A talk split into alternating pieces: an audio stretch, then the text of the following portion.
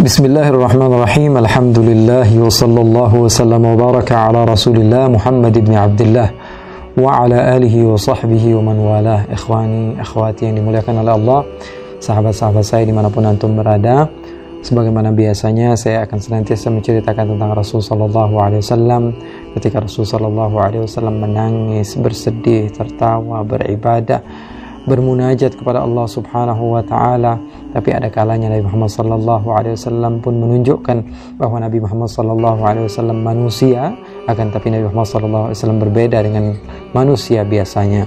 Wa jaizun fi haqqihim min 'aradi bighairi naqsin ka khafifil maradi.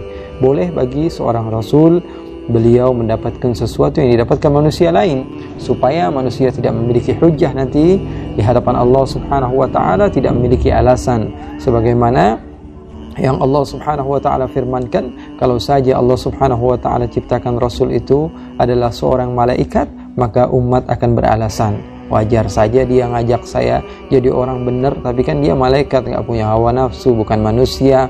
Andai saja dia manusia pasti dia nggak bakalan kuat ibadah seperti apa yang telah kami lakukan. Oleh karena itu hujah tertolak karena Rasul adalah seorang manusia. Itu poin pertama yang saya ingin sampaikan kepada ikhwan dan akhwat semua dan saya ingin memberitahukan kepada antum semua bahwa Rasul wasallam tidak pernah membatasi yang namanya ibadah hanya dengan sholat saja, dengan zakat saja, dengan puasa saja. Memang itu adalah ibadah-ibadah yang afdal akan tapi sebagaimana Rasul sallallahu alaihi wasallam sabdakan juga terkadang ada ibadah-ibadah yang dengan ibadah tersebut sebagian orang memandang itu adalah hal yang biasa menganggap remeh padahal itu pahalanya di sisi Allah Subhanahu wa taala begitu besar. Bahkan dikatakan sebagian orang mengira bahwa seseorang itu masuk surga dengan banyak sholatnya, banyak ibadahnya tapi e, sebagian orang mendapatkan surganya Allah Subhanahu wa taala karena dia membuat orang lain berbahagia. Dan bukan hal yang diragukan lagi bahwa kita membuat orang lain senang bahagia itu adalah akhlak seorang muslim. Akhlak seorang muslim. Ikhwani Rasul sallallahu alaihi wasallam bersabda dalam riwayat Al-Imam At-Tirmidzi, "Tabassumuka fi wajhi akhika sadaqah." Sesungguhnya engkau tersenyum ketika melihat saudaramu itu adalah sedekah di sisi Allah Subhanahu wa taala. Nabi Muhammad sallallahu alaihi wasallam juga bersabda dalam riwayat Imam Muslim bahwa Rasul sallallahu alaihi wasallam bersabda la tahqiranna minal ma'rufi syai'an walau an talqa akhaka biwajhin taliq. Kata Rasul sallallahu alaihi wasallam jangan pernah meremehkan kebaikan sedikit pun. Walaupun kau ketika berjumpa dengan sahabatmu dan engkau tersenyum, itu adalah kebaikan yang bisa membawamu ke surganya Allah Subhanahu wa taala. Oleh karena itu kita dapati dalam sejarah Nabi Muhammad sallallahu alaihi wasallam semua keindahan Sholatnya paling khusyuk, ibadahnya paling nikmat, bisnisnya paling keren, strategi peperangannya paling luar biasa hebat. Nabi Muhammad SAW menangis ketika takut kepada Allah dan Nabi Muhammad mengajarkan manusia itu memang juga perlu kepada tersenyum dan tertawa karena sebagian orang akan mendapatkan kebahagiaan dengan adanya senyuman daripada wajahmu. Ikhwani, akhwati yang dimuliakan oleh Allah Subhanahu wa taala, kalau kita baca sejarah Rasul sallallahu alaihi wasallam penuh dengan warna-warni yang indah sekali. Nabi Muhammad pun bercanda, Nabi Muhammad sallallahu alaihi wasallam pun tertawa.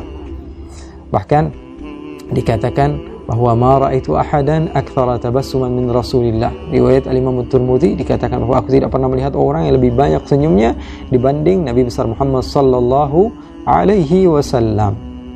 Memang Rasul sallallahu alaihi wasallam membatasi dan ada rambu-rambu di dalam bercanda. Rasul sallallahu alaihi wasallam melarang seseorang itu berbohong, berdusta. Rasul sallallahu alaihi wasallam sabdakan, "Wailul lilladzi yuhaddits fayakdzib." liyudhikal qaum wailullah wailullah wailullah kata Rasul sallallahu alaihi wasallam. Sama riwayat Imam Tirmidzi Rasul sallallahu alaihi wasallam bersabda sesungguhnya kecelakaan bagi orang yang dia itu berbicara atau bercerita dengan kebohongan. Alasannya apa? Supaya orang lain tertawa. Supaya orang lain tertawa. Dengan kebohongan maka dia mendapatkan kecelakaan, mendapatkan kecelakaan, mendapatkan kecelakaan. Nabi Muhammad SAW adalah contoh terbaik di dalam bercanda karena candaan Rasulullah tidak ada dustanya dan tidak pernah menyakiti orang lain. Ingat, candaan boleh tapi jangan bohong, jangan dusta dan jangan pernah menyakiti orang lain. Nabi Muhammad SAW pernah didatangi seorang dan mengatakan kepada Rasulullah SAW, Ya Rasulullah saya juga pengen dibonceng sama Rasulullah naik unta kata Rasulullah ya. Kata Rasulullah SAW nanti kapan-kapan saya saya akan bonceng kamu uh, naik anaknya unta. Kata sahabat itu ya Rasulullah Bagaimana mungkin saya naik anak unta ya Rasulullah? Kata Rasulullah, bukankah uh, unta yang besar juga anaknya unta? Maka dia pun tertawa ketika mendengar apa yang dikatakan oleh Rasulullah SAW. Rasulullah tidak bohong, Rasulullah SAW bercanda. Rasulullah katakan, bukankah unta yang besarnya juga itu anaknya unta? Masa anaknya kambing? Ya kan? Masa anaknya kuda? Nggak mungkin. Walaupun untanya itu sudah besar, tetap saja itu namanya anaknya unta. Jadi Rasulullah tidak berbohong, tidak berdusta. Nabi Muhammad SAW pernah datang ke rumah Sayyidatuna Aisyah kemudian melihat Sayyidatuna Aisyah sedang ngobrol sama seorang wanita tua kata Rasulullah SAW wahai Aisyah siapa ini ini eh, jiran kita ya Rasulullah tetangga kita ya Rasulullah kata Rasulullah kasih tahu dia dia nggak bakalan masuk surga maka ketika dia mendengar bahwa Rasulullah SAW mengatakan bahwa ini wanita tua ini nggak bakal masuk surga, dia menangis sedih. Yang ngomong siapa? Ma yantiqu anil hawa in huwa illa yuha. Nabi Muhammad tidak pernah berbohong. Nabi Muhammad tidak pernah berdusta maka dia menangis sejadi-jadinya. Suatu saat ketika Rasulullah SAW datang lagi ke rumah Siti Aisyah Rasulullah bertanya mana perempuan tua yang biasa datang ke rumah kita maka kata Sayyidatuna Aisyah, dia menangis ya Rasulullah karena dia tahu bahwa dia tidak akan masuk surga. Maka Rasulullah mendatanginya dan mengatakan, wahai nenek tua, yang saya maksud bukan engkau tidak masuk surga, akan tetapi ketika engkau masuk surga, engkau akan berusia muda lagi karena tidak ada nenek-nenek yang masuk surga. Maka dia pun berbahagia dan tertawa. Ikhwani, Nabi Muhammad sallallahu alaihi wasallam bahkan diceritakan uh, oleh sahabat-sahabat Rasul sallallahu alaihi wa ala alihi wa sahbihi wasallam bahwa Nabi Muhammad pernah suatu saat menceritakan dari sahabat Nabi Abu Dhar Al-Ghifari Nabi Muhammad bersabda bahwa sesungguhnya saya tahu siapa orang yang paling akhir masuk surga dan orang yang paling akhir masuk neraka. Kemudian Rasulullah menceritakan tentang seseorang.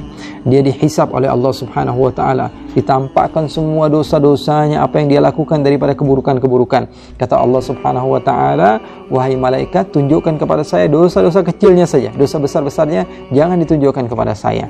Maka dinampakkan oleh Allah Subhanahu wa taala dosa-dosa yang dia pernah lakukan. Lalu Allah tanya, "Kamu pernah melakukan ini? Iya ya Allah. Kamu pernah melakukan ini? Iya ya Allah. Ketahuilah kebaikan yang pernah kamu lakukan itu bisa menghapus dosa-dosa kecil yang kamu lakukan. Maka dia kebingungan. Ya Allah, ini sudah semua ya Allah. Iya sudah kata Allah. Saya ini masih ada dosa-dosa yang lain ya Allah. Eh, saya ini masih ada dosa-dosa besar yang lain yang saya belum lihat pada saat ini ya Allah. Sehingga Rasulullah SAW ketika menceritakan hal tersebut, Rasulullah SAW tersenyum tertawa hamba Allah Subhanahu wa taala yang Allah berikan, berikan rahmat akan tetapi dia membuat uh, sesuatu hal yang lucu bagi baginda Rasul sallallahu alaihi wa ala alihi wa sahbihi wasallam. Ikhwani banyak orang-orang yang uh, seperti Nuaiman atau Abdullah yang bergelar Al-Himar. Bahkan ada sahabat Nabi Muhammad sallallahu alaihi wasallam yang bernama Jarir. Beliau mengatakan ma hajabani Rasulullah. Mundu aslamtu wala ra'ani illa tabassama fi wajhi. Kata beliau eh, riwayat Ibn Majah bahwa Rasul Shallallahu Alaihi Wasallam setiap melihat saya pasti tersenyum, eh, tanpa perlu ngomong wala ra'ani illa dhahik. Rasulullah tidak pernah melihat saya kecuali Rasul sallallahu alaihi wa ala alihi wa sahbihi wasallam akan tersenyum atau tertawa. Nabi Muhammad sallallahu alaihi wasallam bahkan kalau melihat Sayyidina Anas bin Malik datang kepada Rasul sallallahu alaihi wasallam, Rasulullah katakan, "Ya dal udunain." dipanggil sama Rasulullah SAW namanya kamu siapa nama kamu ini orang yang memiliki dua telinga sehingga dia pun tersenyum dan tertawa siapa yang tidak memiliki dua telinga ikhwani akhwat yang dimuliakan oleh Allah Subhanahu wa taala begitulah Nabi besar Muhammad sallallahu alaihi wasallam membuat semua orang berbahagia ketika melihat Rasul sallallahu alaihi wasallam sehingga orang tidak takut kepada Rasul sallallahu alaihi wasallam. Nabi Muhammad sallallahu alaihi wasallam pernah didatangi orang perempuan sudah tua datang kepada Rasul sallallahu alaihi wasallam kemudian mengatakan uh, ingin mengatakan sesuatu. Setelah melihat Rasul sallallahu alaihi wasallam dia gugup nggak bisa ngomong Ditanya sama Rasulullah, "Ya miskinah, alaiki bis sakinah." Kata Rasulullah, "Jangan takut, jangan takut. Fa inna ummi ta'kulul qadid." Kata Rasulullah.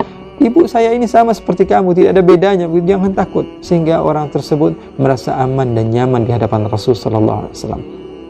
Sahabat Nabi Muhammad sallallahu alaihi wasallam pernah datang kepada Rasul sallallahu alaihi wasallam dan mengatakan kepada istrinya, istrinya, wahai istri, istriku datangi Rasulullah karena sungguhnya saya sekarang sedang sakit, mintakan doa kepada Rasul Sallallahu Alaihi Wasallam. Maka istrinya bergegas mendatangi Rasul Sallallahu Alaihi Wasallam. Ketika datang kepada Rasul Sallallahu Alaihi Wasallam, dia mengatakan, ya Rasulullah doakan suami saya Rasulullah. Kata Rasulullah, suami kamu siapa? Suami kamu yang punya mata yang ada hitamnya ya. Kemudian dia bingung. Rasulullah tanya seperti itu. Dia pun pulang ke rumahnya. Dia lihat wahai suamiku, saya pengen lihat mata kamu ada hitamnya atau tidak. Kenapa memangnya? Kamu sudah minta doa sama Rasulullah? Uh, sudah, tapi Rasulullah uh, tanya suami kamu itu punya di matanya ada hitamnya atau tidak? Maka suaminya tertawa dan mengatakan semua mata juga ada hitamnya katanya. Ya, semua mata juga ada hitamnya. Begitulah baginda Nabi besar Muhammad sallallahu alaihi wasallam. Mudah-mudahan suatu saat kita akan tersenyum, tertawa bersama-sama baginda Rasul sallallahu alaihi wasallam dan jangan lupa nanti saksikan insyaallah kita akan bercerita bagaimana ketika Rasul sallallahu alaihi wasallam bersedih dan menangis dan insyaallah jangan lupa ikuti terus channel kita di YouTube. Insyaallah akan selalu kita hadirkan hadis-hadis kisah-kisah dan insya Allah hal-hal yang bermanfaat bagi diri pribadi. Dan insya Allah buat ikhwani dan akhwati khususnya juga insya Allah kita semua bersatu di dalam kecintaan kepada Allah kecintaan kepada Nabi besar Muhammad sallallahu alaihi wasallam. Wa sallallahu wa wa ala sayyidina Muhammadin وارزقنا كمال المتابعة له ظاهرا وباطنا. في عافية وسلام والحمد لله رب العالمين.